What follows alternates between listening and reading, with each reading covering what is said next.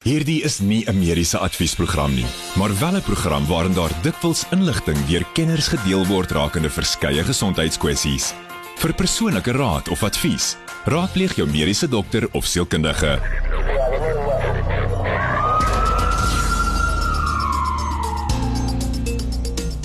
Baie welkom, dis 7 minute oor 8. Ek is Pieter Kloete saam met Dr. Jaco van die kerk soos altyd en is tyd vir groot trauma. Goeienaand Jaco. Goeienaand Pieter, goeienaand almal by die huis.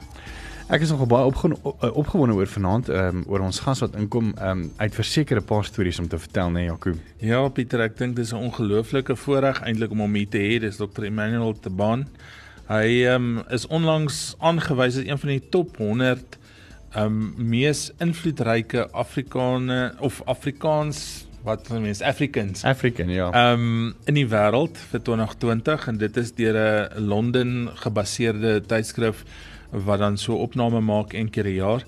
En ehm um, hy is eintlik oorspronklik van Sudan wat ehm um, 'n lang paadjie af na Suid-Afrika toe geneem het en ek dink hy kan later vir ons vertel daarvan. Hmm.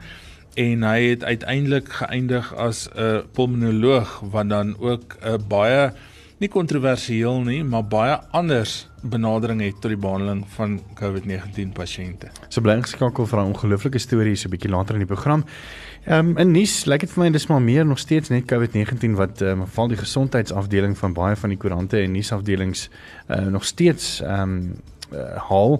Uh weet baie kenners het nou nuus ook genoem met Jaco sê dat uh dat vlak 2 oor Paasnaweek moet ingestel word en dan is dan nou weer die politikuste wat sê nee maar hoekom ons straf ons het dan goed gedoen op vlak 1 jy weet Ek dink dis 'n dis 'n mens moet mooi daarna gaan kyk en daar moet 'n groot balans wees tussen die finansiële implikasie van 'n vlak 2 en um om die mense te beskerm.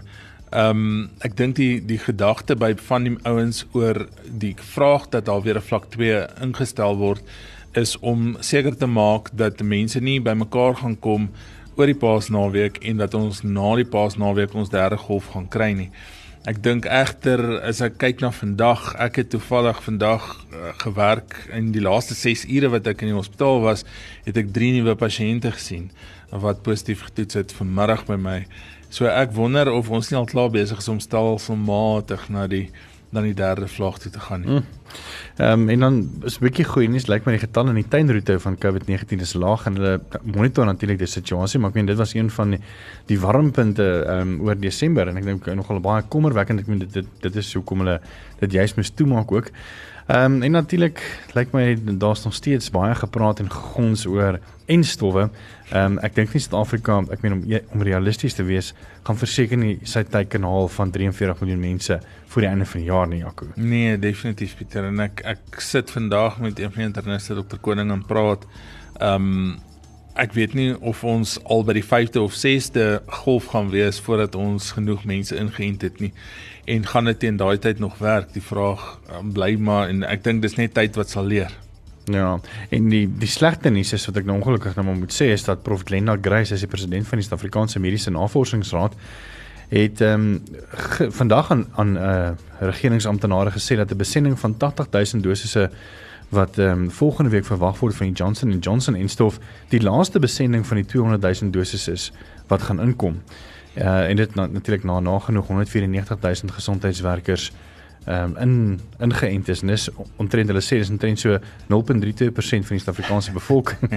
ja, dis 'n groot ding, né? Ons het ons het al gepraat van tevore hieroor en ons het gesê ons het 67% mense nodig om genoeg tropimmuniteit te kry. Ons sit op 0.32 as hulle al daai instowwe ingee. So ons is ver ver agter en ek dink ons kan nie eers sê ons is al ingeënt nie. Ja. En dan nog 'n hartseer storie is eintlik oor dit weet ehm um, jy's ek meen dis ongelukkig nou weer oor COVID-19 finansiële situasies ehm um, en natuurlik oor die ook die die siege rondom ehm um, COVID-19 uh, daar's ontrent hulle sê of hulle meen daar's nou al reeds meer as 500 000 mense wat vir Sadag die South African ehm um, Depression and Anxiety ehm um, organisasie gebel het in Maart. Dis 'n half miljoen mense ehm um, wat hulle gebel het. Ek meen dit is ongelooflik. Wys jy net ek maar net die nood vir nie net weet vir mediese hulp nie, maar ook vir siel vir sielkundige hulp en weet vir depressie en die meer. Definitief. En die mense is angstig, nê, want mens mens ken almal en weet almal self self familielede wat wat geraak is deur die siekte. So angs is 'n groot ding. Mense wat siek was met die posttraumatiese stresversteuring um beeld wat wat voorkom. Um en dan uit die aard van die saak die effek van die lockdowns wat ons mm. gehad het, die finansiële effek daarvan. So ek dink um die sielkundige welstand van ons land is baie slegter tans um of sien baie slegter tans daaruit as wat die die fisiese welstand is. Ja. En mense kan sien uit die statistiek wat wat Sadag of Casey Chambers as die bedryfsbestuurder van van Sadag, dis die die Suid-Afrikaanse depressie en angsgroep uit die 501 000 oproepe wat hulle gekry het tussen Maart en Februarie vanjaar was 'n 100 000 net mense wat graag of wat wou selfdood pleeg. En dan hulle het ook gesê het ook gesê dat weet voor die COVID-19 pandemie en die inperking het SADAG omtrent so so wat 600 oproepe per dag gekry en hulle strek nou omtrent so by so 1400 oproepe per dag wat hulle moet hanteer. En, en dis skokwekkend. Ja, dis ongelooflik, jy weet, en ons sien ons sien in die ongevalle eenhede ook die die selfmoordpogings. Ja. So dit het ongelooflik toegeneem en nie net onder ouer mense nie, net onder die mense wat ons gewoonlik dink um selfmoord gaan oorweeg of selfdood gaan oorweeg nie. Um onder almal, daar's daar's nie meer 'n onderskeid nie onder alle of dele van die bevolking. En dan dink eh, 'n tikkie hoop was ook gewees um die afgelope ruk oor Invermectin wat natuurlik almal gesê nee, dit werk vir COVID die studies wat nou gedoen word en, en hulle sê dit is een van die mees ehm um, uh hoe kan ek dit nou sê ja, een van die mees gedoende studies uh, onlangs ehm um, dat Invermectin ongelukkig nie help vir COVID nie. Ja, Pieter, ek dink uh, baie van die studies wat initieel gedoen is ehm um, was nie goed saamgestel nie. Jy het byvoorbeeld gehad Ivermectin saam met 'n kortison teenoor placebo of of dat jy net simptomaties behandel en ons weet kortison werk. So is dit nou die ivermectin wat gewerk het of is dit die kortison wat gewerk het? Aan die einde van die dag lyk dit tog of dit maar net die kortison was wat gewerk het. En ons moet ook onthou 95% van mense selfs meer wat wat uh, COVID-19 opdoen sal van self beter word net hmm. met simptomatiese behandeling. So ehm um, is dit wel die middel of is dit net normale verloop van die siekte? Ja, en dan laastens maar die minste nie vandag is wêreld TB dag, ehm um, tuberkulose. Is dit nog steeds 'n groot probleem Jaco in Suid-Afrika of dink jy dit is ook eens amper soos polio wat nou halfval uitgewis is of is dit nog steeds 'n groot bron tot kommer? Pieter, ek dink dis 'n ongelooflike groot bron tot kommer. Ehm um, Suid-Afrika is ook ehm um, een van die top lande ten opsigte van HIV en uh, TB of tuberkulose en HIV loop baie keer hand aan hand ons sit met die probleem van veelvuldige middelweerstandige tuberkulose. Ons sit in 'n in 'n omgewing en in 'n populasie wat nie goed is en dis dis nou hartseer om dit te sê, mm. maar nie goed is om um hulle medikasie te voltooi nie. Ongelukkig is daar ook 'n klomp neeweffekte van um tuberkulose behandeling um in terme van die medikasie neeweffekte En dit maak dat 'n klomp persone of klomp pasiënte nie hulle behandeling voltooi nie wat dan net lei tot verdere weerstandigheid teen die middel. So ons sien nog steeds um sterftes van van tuberkulose en mense moet onthou meeste mense dink aan longsiekte as jy aan tuberkulose dink, maar jy kan wervelkolom tuberkulose kry, nier tuberkulose kry, brein tuberkulose kry. So daar is 'n groot 'n groot variasie op die die tema van tuberkulose en ehm um, dit bly 'n ongelooflike groot probleem vir alles mense effens immuun onderdruk is.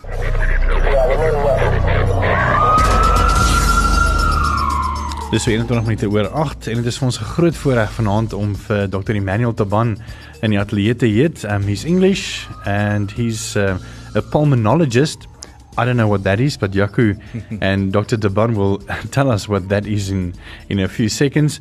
And what's great about this interview, and that's why you know th- um, you should stay tuned in because you know he made some remarkable uh, findings with regards to COVID nineteen and our lungs, which we're going to chat about a little bit later on. And also, you know, if there's time, we definitely want to hear about his story as well, which is very, very inspirational. But Jaco, I'm not a guy for big words.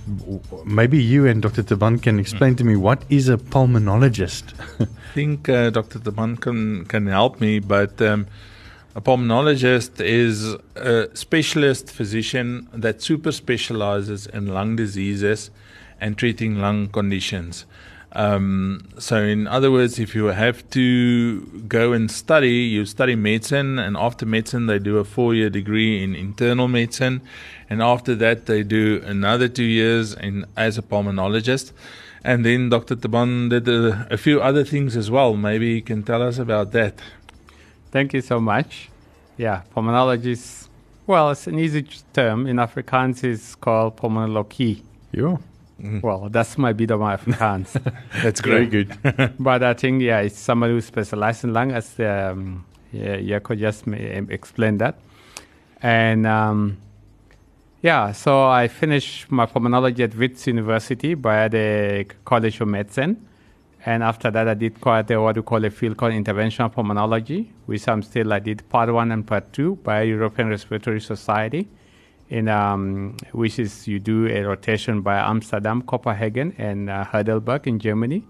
I was supposed to do my final exam before the COVID actually come out, but then I quite very, very well trained on that area of interventional pulmonology and uh, also one of the, uh, I think one of the first European Respiratory Society diplomats in the country. Just for interest sake, I mean, why did you choose lungs of all other organs and body parts that you could specialize in? Well, when I finished at uh, University of Pretoria, that was in 2011, first uh, 31st October, I needed actually to, I needed actually to study critical care. However, I couldn't really get in because I didn't that time. I didn't have my permanent resident. I only had permanent resident. I didn't have my citizenship, so hence I could not pursue super specialist. And I remember I went to Prof. Kerr, who is a legend of internal medicine in University of mm. Pretoria, and I went to, to his office. He was the dean that time. And I asked him and actually pull out his card and show me that he was a pulmonologist. So I said, wow, I could actually become one. Then he told me, of course, because he knew me very well, and he actually suggested that I go to Secunda and maybe start some work there as a physician until I establish myself and come back and do pulmonology. And yes, then I went to Secunda, and Secunda is an area where there's SASOL 2, mm. and there there are quite a lot of lung conditions from asthma, COPD, pneumoconiosis. And what I used to struggle with that most of my patients with lung problems, I have to send them to Pretoria. And either there's a lot of expensive co-payment or transport is a problem, and most of those patients really don't have, and able to come to Pretoria, or the waiting period is about six months. And that's what really motivated me to do pulmonology and hopefully maybe see those patients whe- when they're in Secunda without them coming to Pretoria. And yeah, so that's when I decided to do pulmonology, and it was a, one of the good experience. Of course, when I went to Wits, it was a difficult, but I did complete within two years. And after today, I still go to Secunda twice a week, at least to see those patients. Wow. That's very interesting. Yeah, Doctor, you you also um, at Midstream. Um, how did it become, or how did it? Uh, maybe you can just tell us the story of how did it happen that that you came about um, looking for COVID nineteen and then did a bronchos uh, bronchos bronchos Bronchoscopy. bronchoscopy. I, I think like when COVID nineteen came, uh, I was very fortunate because Midstream is one of the best hospitals in the country. I think I would like to believe that because I work there. But yeah, so so when COVID came and I was the only pulmonologist, I had two physicians, Dr. Engelbrecht and Dr. Liana God- God- Lian Godinho. And we needed to prepare the hospital really to fight COVID 19. And what we did was to do a protocol for, for managing those patients. That was in March, April. And when COVID 19 did arrive, of course, being a pulmonologist, I was always going to be on the front line. And I was fortunate that Mediclinic South Africa, thanks to Mediclinic South Africa, actually appointed, they actually nominated me to, to share the expert committee for between discussing um, COVID 19 between a lot of hospitals, between Mediclinic South Africa, Mediclinic um, uh, Switzerland, and then Mediclinic Emirates, and also UK. So we have this panel which I represent mostly South Africa, and I was quite privileged to to to to be involved in the panel. And I think I that's when I gained quite a lot of knowledge and more insight into COVID nineteen. And when we admitted our first patient with COVID nineteen, and she did very well. And then, of course, after that, we are quite full to capacity. And I lost extra three of my patients. And those three patients, they died between day 7 and day 12. And at that time, the literature was really saying that patients with COVID 19, they were normally divided into two groups, what they say L type and H type. So it means if you are a patient with COVID 19, you come to the hospital, there are those that require mechanical ventilation. And those who require mechanical ventilation, they develop to L and H type. L type means those patients are easy to ventilate. After five to six days, you can actually take out of uh, life support. And then H type, There are normally patients that have been on the uh, as an L type, and normal those patients after seven to eight days they deteriorate and become H type. H type means they're difficult to ventilate. When you prone them, it's difficult, and most of them will die. And one of the cause of death was lung fibrosis and thrombosis. And my argument is that those patients, yes, thrombosis, because all patients COVID-19, they're normally on anticoagulations, and they don't actually die. You know, so anticoagulation, so they should not be dying of blood clots when they're on anticoagulation. And the second thing, fibrosis will not happen seven days in everybody, eh, in you know, in normal sense. So I read a lot of literature and wasn't helpful. That's when when I lost my third patient, and then I say, you know what, the best is maybe let's do biopsy and see what kind of fibrosis we have in Africa, and that's what intrigued me actually to do bronchoscopy. Because you know, initially the World Health Organization um, said in the literature that doctors should not do um, bronchoscopy because of the sensitivity of already uh, of the um, the bronchi and and that uh, for further damage. Um, but obviously, you know, you had to find out for yourself why. no, I think I think what World, World Health, you know, there are two different uh, two scenarios about bronchoscopy. You have what you call diagnostic bronchoscopy and their therapeutic bronchoscopy. So World Health Organization was against the use of diagnostic bronchoscopy. Bas- basically, what it means that when somebody come, come with the COVID-19 and they, they swab negative, some people wanted to do bronchoscopy to wash their lungs so that they could make a diagnosis out of it. And World Health said, no, you cannot do that because you increase risk of infection and the spread of the COVID-19. So World Health was clear about the diagnostic bronchoscopy. However, therapeutic bronchoscopy, they have not mentioned anything about it. That uh, that was the difference. So for me, it's not really, but both of them is the same procedure anyway. Yeah. So for me, diagnostic with therapeutic bronchoscopy was indicated for any patient in ICU. It's not a new procedure. It's something that's been there, mm. but just people having fear of contracted COVID-19. I think um, just just for the listeners, what is a bronchoscopy? Um, yeah. Bronchoscopy is just uh, what you call it's like an endoscopic tube or what you call a procedure where it it's a very thin, it got a light and got a small pipe for suctioning where we normally introduce to the patient either through the nose, mouth, or tracheostomy tube if there's any, and you look, go through uh, through the vocal cord and to the uh, to the lung, to the trachea, and then to the bronchi where you can see. And most of the time, it's indicated for use for diagnosis of chronic cough. If you've been coughing with no particular diagnosis, then we do bronchoscopy on you. If you got what look like tumor in the lung, we do bronchoscopy. If you're bleeding, we do that also and diagnose infection. That's what bronchoscopy was always done. And it's done in the setting where patients uh, are not on the life support, people that are awake. We, they, then we give them what we call uh, local anesthetics to, that is spread to the back of the throats and then to the vocal cords. And then normally we do them while they're awake. In Europe, actually, they do them immediately after two, three hours, they go home. So it's a procedure that is actually very effective. Cost, uh, cost is reduced cost and with less complication. Just after the break, we're going to uh, find out what the Dr. Taban found out when he did the bronchoscopy, bronchoscopy and what that means for COVID 19 um, diagnosis and also treatment. So stay tuned.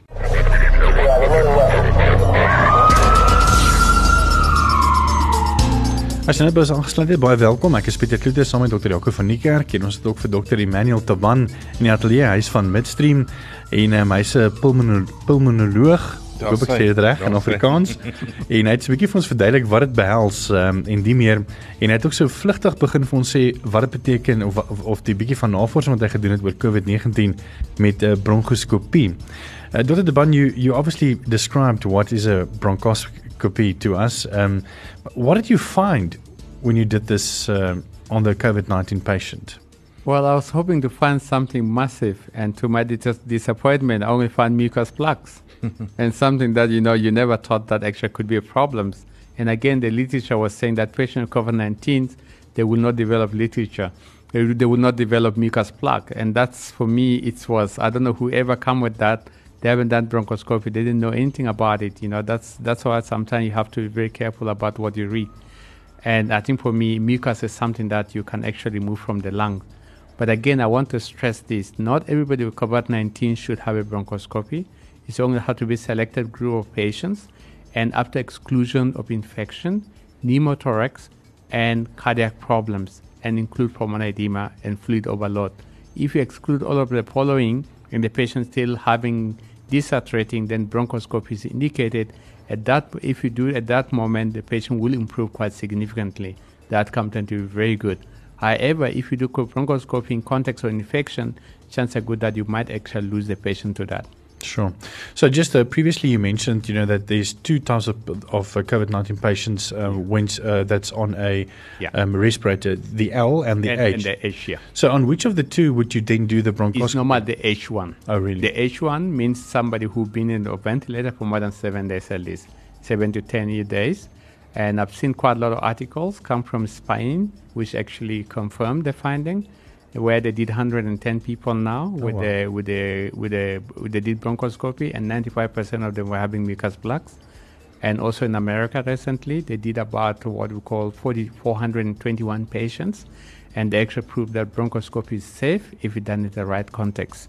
So there's no uh, really disagreement about the use of bronchoscopy in COVID-19. It's actually highly indicated, but you have to have the skills to do it. And then just uh, with regards to um, patients that, that have gone through the um, bronchoscopy, and then you know when you're taking out the mucus, has that improved their their oxygen saturation in the blood significantly compared to when they were still on the uh, respirator? Yes, actually, you could take them. Uh, some uh, some of these patients, sometimes after 48 hours, you can remove them from life support. What? Yes. Wow. Yeah. If, as I say, if it's done the right context the proper, proper kind of, uh, ex- by exclusion of all the what I mentioned, the outcome should be very good, and that's what our my, my observation midstream. Yes. And then how how long does it take for you to to do a procedure like that of, of taking out the mucus? Is it like a you know when you when Jaco goes into surgery to do a knee operation, it can be anything from six hours onwards. Um, it, it, how long does it take? Well, the the, the shortest was for me about uh, three minutes. What? The longest up to three hours. Sure. Depends on the, of course, how thick the mucus is, because mm. sometimes you have to use forceps to remove the mucus. Okay. Yeah, because they're very hard. So you have to remove them, and sometimes those patients to, to extubate them, remove the tube, exchange the tubes. It could be a very a big drama, but most of them they really survive. Mm. So you have to just, you know, you have to because the patient lives matters. That's the most important thing. Yeah. It's actually amazing to to hear you can actually need forceps to remove a mucus plug because uh, you know everyone think about mucus as a fluid and uh, nice and flowing and everything is just a little bit of an anti um, mucolytic drug and then everything is is a okay but um, to physically have to remove it manually just shows you how difficult it sometimes is to ventilate these patients because nothing is moving up and down and and and that's most probably the the main issue Yeah, but also, you know what, the most interesting that actually those patients, if you do X-ray on them, you don't see ev- evidence of mucus plug, you don't see evidence of radiological collapse of the lobes, they mm. don't have it. And that was very interesting because all the cases, observation-wise, there's no, there's no evidence of lung atelectasis. sure Yeah, and that's, that make it very interesting actually. Um, just a, a last question before we move on. Um, uh, when when a patient has been on a on a respirator for for an extensive period of time, of let's say le- longer than seven days, doesn't that also affect the the lungs with you know making them a bit more sensitive? You know. Um, uh, more um, maybe Jaco can help me with trauma, words. body trauma, and there's a lot of, of complications associated with ventilation. Yeah, well, I think that's why it's always very important that uh, anybody on, on ventilator, probably you need to you need to make sure that you need to exclude that they will have pneumothorax. Normal bronchoscopy is extremely very safe, so so that's why before you embark on doing bronchoscopy, please do the exclude infections, check for pneumothorax, and all of them is very very important to do that. And again, when you do bronchoscopy, most of the time you can also you could wash the lungs and uh, look for infection. So you can actually have like double um, whammy, you know, when- when you actually do bronchoscopy at the right, right con- context on those patients. And then just for layman's terms, um, with regards to, you know, most people think, you know, they can just go out and just go buy an oxygen uh, bottle and then they can oxygenate themselves. But that's in effect very dangerous. You, you, I mean, people should not go out and buy an oxygen tank because, you know, what are the, some of the complications of over oxygenation and, and, stuff like that? The thing is that uh, oxygen is like a medicine. So mm. you cannot pick up a medication and take them because you think that something's going to happen to you. So there have to be indication for oxygen. When and also, I mean, you have to know how much oxygen you need because there's a reason why most of the oxygen concentrators are made up to five liters mm. or maximum seven liters. They're not made to 20 liters. The reason that because when you require more oxygen, you need to be on the monitored environment like hospitals for them to mm. monitor you. So it's not very safe practice for patients to go and buy oxygen because they're not feeling well. Because we need to find the reason why are these people needed oxygen, mm. and you need to, uh, to investigate underlying problems. And most of the time, oxygen is indicated in patients with the emphysema, patient with the lung problems that are chronic, been diagnosed with the doctors, patient with COVID-19 that are that that are actually significant, very sick with the more than uh, more than 80 to 80 percent lung involvement, and those patients need to be diagnosed by a doctor and they need to be monitored. So I don't recommend people actually to use oxygen because it's a medicine must be prescribed, mm. and uh, neither the the oxygen companies. They should not be supplying patient, uh, patients oxygen without doctor's prescription because mm. that's illegal. And, and if that patient died, unfortunately, that they legally they be, they, they, they, they will be sued for, for negligence. Mm. Because some people don't understand that. I mean, the oxygen that you know that we are now you know, inhaling here in the studio, I mean, we have the body's only intaking about 21% um, oxygen around about. I mean, now you put a, a, oxygen mask on yourself, and now you suddenly up that to around 60 to 80 percent. You know? Yeah, and, and, most of them that will actually affect your eyes. One mm. of them, preparation of the retina, is one of the, uh, the side effect of your oxygen, and there are a lot of other oxygen-free free radicals and all of them. So that so the risk of oxygen is very severe. So I, I would really people should be very careful about it. Mm. And oxygen can actually kill in some instances, not COVID related, but if you look at chronic obstructive pulmonary diseases, um, you actually have a respiratory drive. In other words, if you um, give them too much oxygen, they stop breathing because they don't have that drive anymore. So you dri- dr- they are driven by higher carbon dioxide levels. So normally they go, come in with no, lower lower than normal oxygen levels in the blood but they um, they need that to continue breathing. So if you give oxygen to the wrong patient, you can actually kill the patient. Yeah. Um, and that's why oxygen is a drug. Yeah, I mean, in other words, you give them too much oxygen with emphysema, they develop a lot of high level of carbon dioxide, mm-hmm. and then they become sleepy. Then they can't protect their airway. Mm-hmm. Then they need to be on the life support, and I mean, if you've got no hospital beds, mm-hmm. it's a disaster. That's why mm-hmm. don't take the law into your own hand. Mm. Exactly.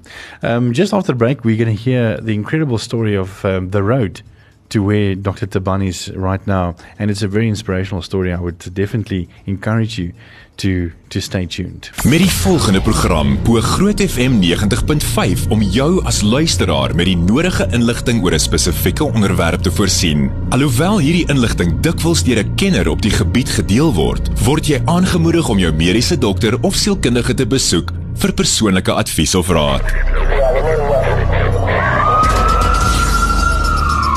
Welkom terug. Dis so 'n minute weg van 9:00 af en dit is groot trauma. Ek is Pieter Kloete saam met Dr. Jaco van die kerk en ons het ook 'n gas Dr. Emmanuel Taban, eh, Dr. Emmanuel Taban, ekskuus tog. En ehm um, hy het 'n bietjie gesels oor sy werk as 'n pulmonoloog. Ehm um, hy's ook by Midstream uh, betrokke.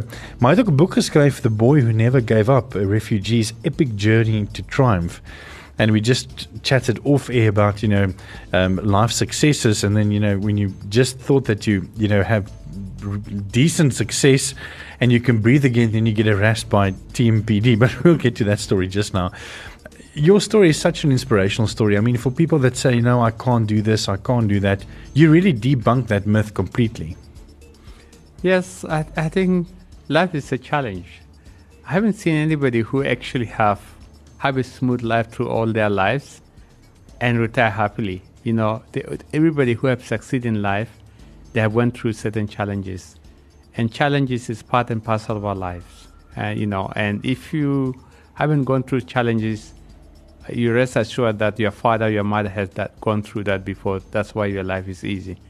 And and people who have gone through challenges now, hopefully that the next generation will be far better off.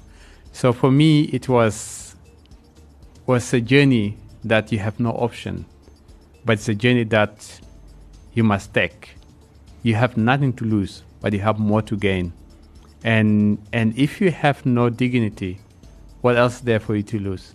Mm. Nothing. That's why you have to keep moving on and moving on and moving on. And when you have a hit once, you get up and you move on. And that's what life is all made about. Sure. But not, I mean, you're very humble. I'm going to say that mm-hmm. because none of us has, you know, journeyed through Africa um, to come to South Africa from Sudan as a young boy. I mean, that's already an obstacle by itself. Yeah, yes. Well, it was it was a difficult journey. It's, I mean, I can't deny it. That was very difficult. I went through a lot of hurdles. I mean, throughout my journey from from Sudan to here, I've been in prison four times between age of uh, 15 and 17. And I mean, the, my worst experience in prison was in Kenya when I got arrested because I, I crossed the border. I didn't have a passport and I remember that I had to undress in middle of people because it's a law that you must undress to check that you have you're not hiding anything. I don't know what can you hide for for like a child, 16 year old, yeah. with absolutely nothing, no bags, nothing. And I remember he was asking, "What do you want me to dress in front of people?" And they just hit me with kind of with a stick, and I fell down. And I think that was probably was completely demonized at that particular moment, and it was one of the worst moments in my life and after a few days, they dropped me to Ethiopia border. And I think that could have been the moment that I could have given up. But I thought about it. But there were people around me who were worse than off than me. But the difference that those people, they seem very happy where they are. But I was only 16. I just think that there was more for me in life. And that's why I decided I was going to move on. And, and of course, that led me to my uncle's house where he rejected me, which again redirected me to the path to South Africa. Because again, if my uncle didn't reject me, then you could have said, stay in my house and do the gardening. I could have been doing that up to now. Can you imagine how much brain I could have wasted there? Mm. So it was very good that actually he rejected me. And that actually given me a path to come to South Africa. Even in South Africa, it wasn't difficult, but at least there were opportunity. But the most important thing about to listeners out there is that all of us having some very special talents, something that we could do, others might not be able to do it. But we all of us also having certain kind of um, certain gifts and certain kind of uh, determination in us. And I think don't give up. You just need to give your best. No matter how the doors are locked, no matter how big mountains you comes your way. But I promise you, if you manage to move the mountain, you might find a big bag of diamond or gold, and you will be happy thereafter. Mm. Your story um, uh, reminds me of, um, you know, we uh, one of the big interviews that that myself and Jaco did. Um, on this program was with uh, Dr. Bennet Omalu. I'm not sure if you're familiar with him. Yes, I did watch the movie and it was very inspiring. Yeah, and exactly the same with him. I mean, you know, he had to always had to just prove himself with everybody because you know he was from Nigeria. I mean, really, and now he's uh, a thought leader and uh, you know, uh, you know, someone that that a lot of people can look up to. You know, do you think that because you know obviously you, you got separated from your parents um, from a young age, and obviously um, you know the rejection from your from your uncle and them. Do you feel that, that you also, you know, have that need to prove yourself to other people? I think yes, because I mean, when you grow up with no father, I mean, fatherless is a big problem. So I think it's very important that every family need to make sure that a child must have a father, father mm figure, and I didn't have that in my my life. And of course, then when you grow up with people that God know they don't have your interest in heart, you might get blamed for everything, and and you don't have that support. And throughout my journey, I get to learn that I have to take I have to take responsibility for my own for myself. You know, I mean, so I become my father, my brother, my everything for myself. Mm. And that taught me that money enough, money pro is not enough to, to make you happy. So I learned one thing that there's one thing that nobody can take away from me. It's my skill. Sure. If I develop top skills, nobody can steal that away from me. But if I have a lot of money, somebody can steal that from the bank and I'll be nothing. Or South mm. Africa become like Zimbabwe, mm. Then I'll have nothing because my one million rand become like one rand, and I will not even buy a, can of coke.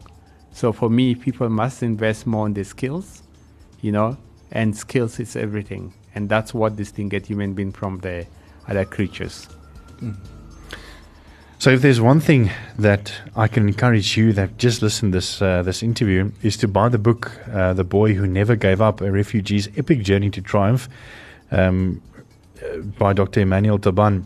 Um, I'm sure this will definitely change your life or change the outlook that that you would see um, yourself in. You know, because I mean, now we just read that you know earlier in the program we we, we told about SADAG that's um, getting around 500,000 calls for people with you know anxiety or mm. they would like to commit commit suicide you know and that's because they feel that they, they have no other way around you know and um, maybe this book will just open up their eyes that you know but it's actually very sad you know you know the issue that people think that you know people either blame difficult circumstance to work of devil and good everything that's good to work of God but I don't think God would have created us in such extent that I mean, if God was going to create us, we could have created us like animals, where you have all the grass to eat, mm. water to drink. But He created us a human being, men with the muscles, women with the capability to raise children. And we were given those muscles capability for us to work and to be more productive. And hardship is part of it, you know. So if you're not going to enjoy hardship, if you're not going to go all the way to try to succeed, you know, and th- then I think maybe you're missing the point. Mm. So the question that in the time of COVID, yes, COVID has been very bad. A lot of people have lost their jobs. But at the same time, after COVID, there also there will be a rainbow, means opportunity, other opportunity does open. So maybe people might just step backward and say like, okay, look, COVID has wiped out previous old businesses. But what are the new things that we can do? Mm. They need to start thinking differently rather than going to depression. I totally agree with you. It's almost like the story of Job you know, mm. that lost everything. And it wasn't the things around him that made him, it was mm. himself that, that yeah. made it. Dr. Emmanuel Taban, thank you so much for coming in. I'm really inspired. I'm going to definitely read this book. En uh Jaco, dankie dat jy ook weer hier so is en dankie, dankie vir jou inset. Dankie man. Also if you like this uh, pod if ons as jy die pod uh, pod sending wil uh, luister, ek sal seker maak dat dan weet jy so teen die einde van die week uh, beskikbaar is as jy graag vir hierdie onderhoud wil luister. Weens baie dankie. Thank you doctor. Dankie almal. Thank you.